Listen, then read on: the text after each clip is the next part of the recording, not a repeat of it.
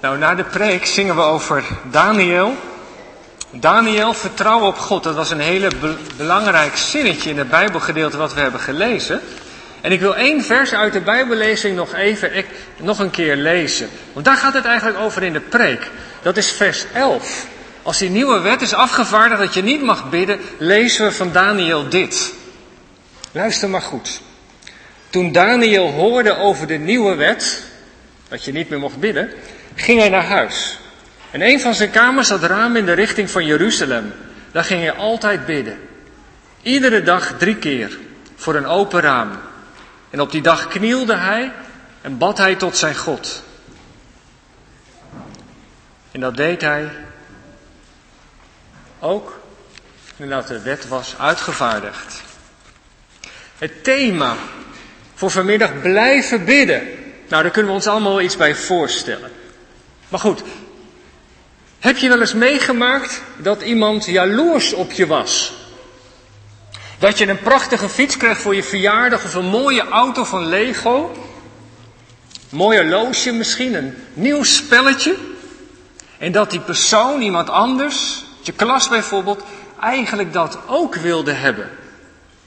Als je jaloers bent op iemand anders, dan gun je eigenlijk niet dat iemand anders blij is met wat hij heeft gekregen. Dan wil je dat eigenlijk ook hebben. En jaloers zijn is een hele nare eigenschap.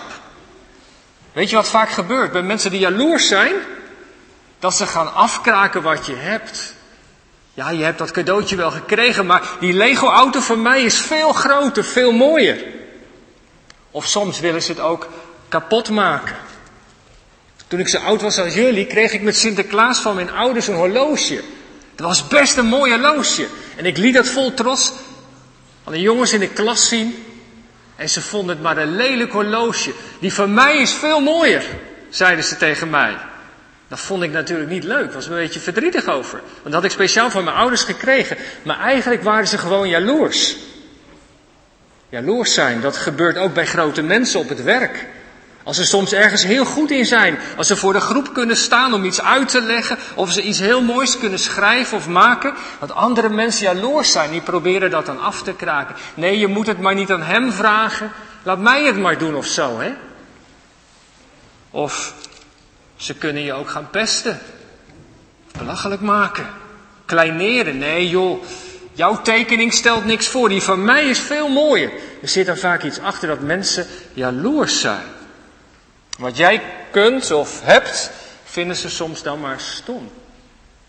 Weet je, dat overkwam Daniel nou ook. Hij werkt aan het hof van de koning. Hij doet zijn werk zo goed dat het opvalt. Als er moeilijke problemen zijn, heeft hij veel wijsheid om het op te lossen. Mensen komen naar hem toe en vragen advies. En je kunt bij Daniel altijd wel hulp vinden. Hij is heel slim en wijs.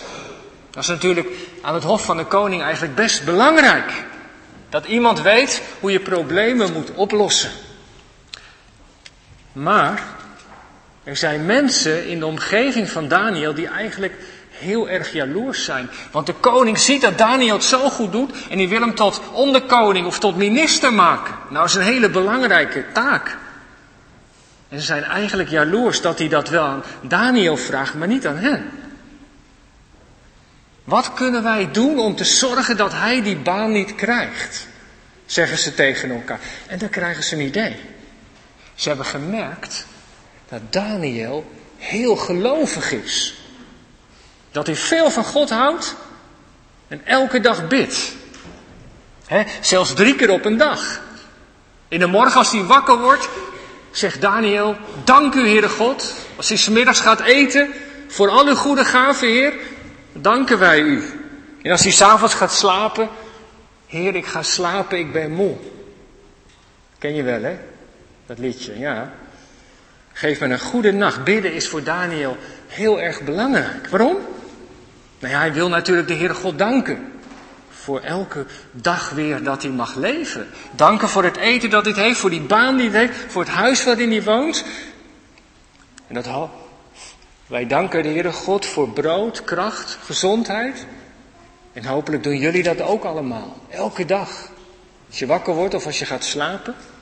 Maar voor Daniel was bidden ook nog belangrijk, omdat hij wijsheid nodig had. Wijsheid voor die belangrijke baan die hij had. Als hij moeilijke beslissingen moest nemen om het land te besturen, had hij wijsheid nodig. Maar ook geduld. Als het soms allemaal niet zo makkelijk ging, als mensen moeilijk deden, dan moest hij heel veel praten en heb je soms ook heel veel geduld nodig. Wie van jullie is er heel geduldig? Steek je hand eens op. Niemand. Hé. Hey. Ja, Daniel ook niet zo. Dus hij moest het aan de Heere God vragen. Heere God, maak mij geduldig. Voor Daniel is dat gebed met God zo ontzettend belangrijk. Hij wil elke dag met God verbonden zijn. Net als wij hopelijk. Maar nu komt het. De mensen die jaloers zijn, denken, ha, nu kunnen wij hem pakken op zijn geloof. Op het feit dat hij bidt. Dat is zo belangrijk voor hem. Als ze nou met elkaar een wet bedenken. Waar verboden wordt dat hij nog contact heeft met God. Dan kunnen we hem pakken. Dan ontvangt hij niet meer de wijsheid en het geduld. Dan kan hij geen belangrijke minister worden. Dan kunnen wij dat wel worden. Dat is gemeen hè. Als mensen zo denken en kwade plannen maken. En zo gaan ze naar de koning toe. Koning, luister eens. Iedereen in het rijk vindt u belangrijk, hè? Ja, zeker. Ze probeerden de koning over te halen om een wet te maken. Om te verbieden dat Daniel bidt. En weet je, dat gebeurt trouwens vandaag de dag nog steeds. Wist je dat? Er zijn landen waar christenen niet samen mogen komen in de kerk en samen kunnen bidden. Er zijn landen waar mensen niet in Jezus mogen geloven. Als je denkt aan Noord-Korea of in landen, moslimlanden bijvoorbeeld, om dan samen te komen, de Bijbel te lezen, te zingen, dan moet je oppassen, want dan kun je zomaar opgepakt worden, in de gevangenis gezet worden. Nou, dat gaan ze dus met Daniel proberen. Ze praten in op koning Darius. Koning, luister. Is het niet goed dat iedereen in het rijk u fantastisch vindt? Jazeker. Moeten niet alle mensen in het rijk ontzag hebben voor u? Moeten niet alle mensen in het rijk voor u gaan knielen als ze u zien? Ja, dat wil de koning natuurlijk wel. Hij voelt zich vereerd met deze woorden.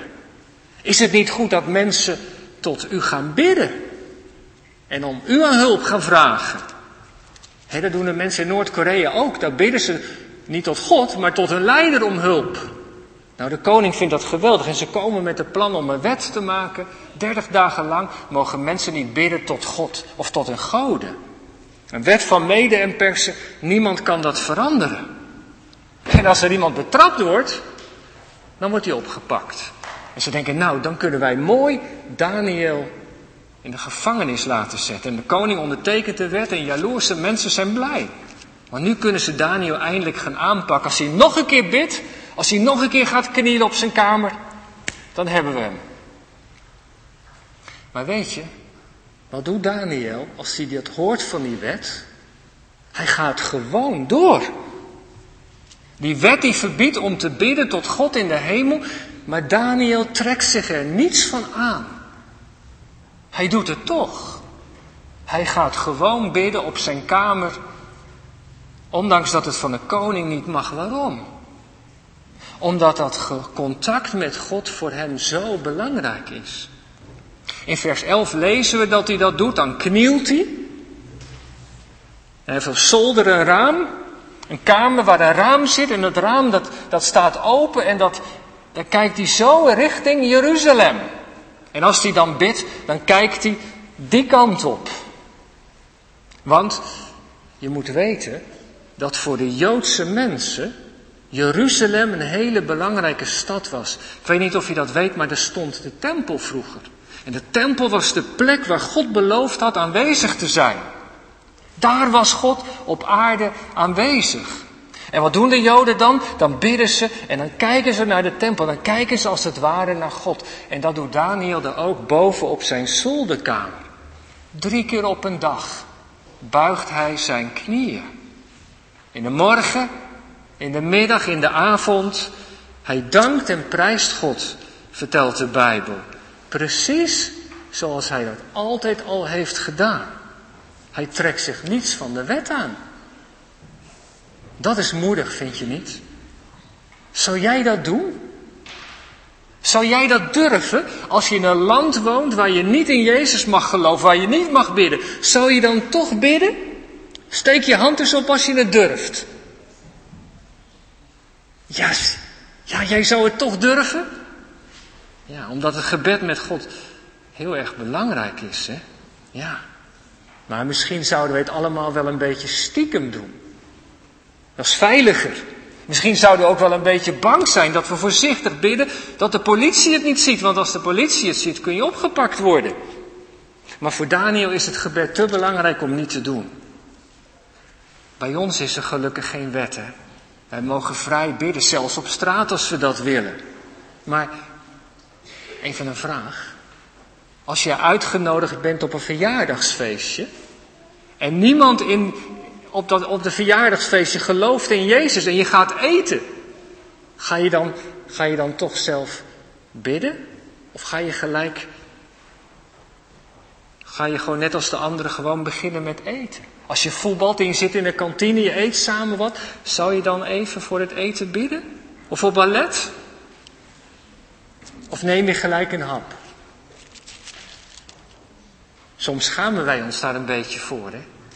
Je gaat met papa en mama naar een restaurant. En het eten staat op tafel, de ober heeft alles klaargezet. En dan zegt papa of mama, weet je, nu gaan we nog even bidden. Je vouwt je handen, je kijkt om of niemand in het restaurant het ziet. En even snel. Zo gaat het, hè. Soms schamen we ons daar een beetje voor. Bij Daniel zien we dat eigenlijk niet. Het gebed is voor hem zo belangrijk. Dus wij kunnen best wel iets van Daniel leren. Ik ga drie dingen noemen die we echt moeten onthouden. En het eerste is dit. Ondanks dat er een wet is afgevaardigd, ondanks dat, laten we zeggen, de politie toekijkt, blijft Daniel bidden. Hij vindt het contact met God zo belangrijk. En ik denk dat, dat wij van Daniel dat kunnen leren. Hoe moeilijke dingen ook in je leven gebeuren. Blijf bidden. Ook als je op een feestje bent waar niemand is die gelooft op een werk, vergeet niet om de Heer God te danken voor het eten wat voor je staat.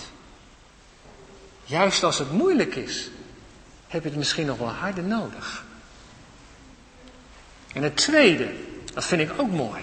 De Bijbel vertelt als Daniel bidt, dan knielt hij.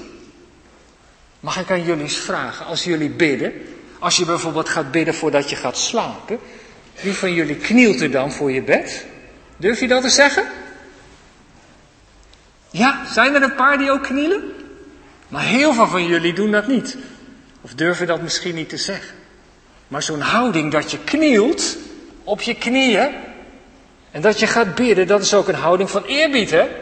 Dat is ook een houding van afhankelijkheid. Van Heere God, ik heb uw hulp nodig. Dat is elke keer ook weer zo. Als bijvoorbeeld een stelletje in de kerk trouwt. En dan in de trouwdienst, dan knielen ze. En dan mag je wel dominee de zegen van God meegeven. Maar knielen is ook een besef, ik heb de hulp van u nodig. Dat is het tweede, Daniel knielt. En het derde wat hij doet, hij bidt drie keer op een dag. In de morgen, in de middag, in de avond. Dat is eigenlijk ook wel mooi, hè? En misschien doen jullie dat thuis ook. Als je s ochtends aan tafel zit, neem aan dat er wordt gebeden. Of als je smiddags op school boterham opeet, misschien wordt er wel gedankt en s'avonds natuurlijk weer. Zo ben je eigenlijk de hele dag met God bezig. En dat is mooi. Dat vindt de Heere God fijn. En weet je, Daniel die bad, die keek die kant op naar Jeruzalem. Maar wij hoeven niet naar Jeruzalem of een bepaalde kant op te kijken. Wij mogen, ja, zullen we maar zeggen, omhoog kijken. Vandaag een prachtige dag, die blauwe lucht. Wij mogen op, waar we ook samenkomen, mogen wij tot de Heere God bidden. Overal waar we onze handen vouwen, daar kunnen wij contact krijgen met de Heere God. Dat heeft de Heer Jezus ons geleerd. Als we bidden, dan mogen we tegen God die alles heeft gemaakt zeggen, onze Vader in de hemel. En dat is zo bijzonder. Dankzij de Heer Jezus is God onze Vader geworden. Dankzij dat Hij voor ons gestorven is aan het kruis, is God onze hemelse Vader. En zoals je aan het einde van de dag met je papa of je mama alle dingen bespreekt, zo mogen wij dat ook doen met de Heere God. Je vindt het fijn als ze naar Hem toe komen met alles wat er speelt in je leven. Of wat er gebeurd is op een dag waar je blij mee bent, waar je zorgen over maakt. Gaat je leven dan altijd gemakkelijk? Als je net als Daniel zo trouw bent in het gebed? Nee, dat niet. Als Daniel betrapt wordt, wordt hij in een gevangenis gegooid. En dat gebeurt vandaag de dag met christenen in de wereld soms ook. Alleen omdat ze van de Jezus houden, worden ze soms in een gevangenis gezet. Daniel komt in de leeuwenkuil terecht. En zulke dingen kunnen dus gebeuren. Als je in de Jezus gelooft. Als je toch blijft bidden. Als dat niet mag. Maar weet je wat er ook gebeurt? God zal je altijd helpen. Ik heb zoveel verhalen gehoord van mensen in moeilijke omstandigheden. Dat ze zeiden, de omstandigheden waren moeilijk, maar de Heere God die heeft me kracht gegeven. En Daniel ook, hij zit in een leeuwenkuil en God stuurt een engel naast hem.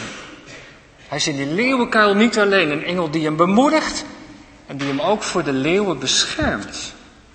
de volgende dag wordt hij uit de leeuwengevangenis gehaald. Niet altijd gebeurt dat. Dat mensen uit de gevangenis komen, soms moeten ze blijven zitten. En gaat het niet zoals in het leven van Daniel. En ook dat is verdrietig en moeilijk. En daarom is het belangrijk dat wij vandaag ook bidden voor mensen die nog niet vrij zijn uit de gevangenis en die daar zitten omdat ze in de Jezus geloven. Als je gelooft, kunnen er moeilijke dingen in je leven gebeuren. Misschien is dat bij jou ook wel zo. Misschien wel geen leeuwenkuil, maar die jongen die je altijd pest, die je belachelijk maakt omdat je naar de kerk gaat of omdat je bidt, dat kan zomaar gebeuren, omdat je van de Jezus houdt. Maar weet je wat er ook gebeurt? God zal je altijd helpen. Want de Heer Jezus die laat ons niet los. En dat is zo belangrijk. En weet je wat ik zo mooi vind? Daar sluit ik mee af. Die moeilijke dingen die er gebeuren in het leven van Daniel, die gebruikt de Heere God om er iets goeds mee te doen. Dat is eigenlijk heel bijzonder. Het feit dat Daniel in de leeuwenkuil op God blijft vertrouwen, raakt de koning heel diep. Hij kan die nacht niet slapen. Hij heeft eigenlijk iets gedaan wat niet goed was. Daniel, die zo belangrijk voor hem was, heeft zich laten meeslepen door slechte raadgevers. En die gaat naar die leeuwenkuil. En dan blijkt Daniel nog te leven. Daniel heeft op God vertrouwd en God heeft hem geholpen. En nu gaat die koning Darius, die komt tot geloof. En die wil dat alle mensen in het rijk deze God leren kennen. Kijk, dat is iets wat we moeten onthouden. Soms blijven de moeilijke dingen in ons leven. Maar God gebruikt ze om andere mensen met de Heer Jezus in aanraking te komen. Dat is mooi hè, dat dat gebeurt. En daarom is het gebed zo belangrijk. God geeft, net als bij Daniel, ons moed en kracht. Om goed van Jezus te spreken en voor mensen die je kwaad doen, te blijven bidden. De jongen die je pest. Dat meisje dat je als vriendinnetje heeft laten vallen. Om toch voor ze te blijven bidden. En dan kan God zomaar een wonder doen. God kan zomaar in hun hart werken, net als bij koning Darius. Want God is een hoorder van het gebed. Amen.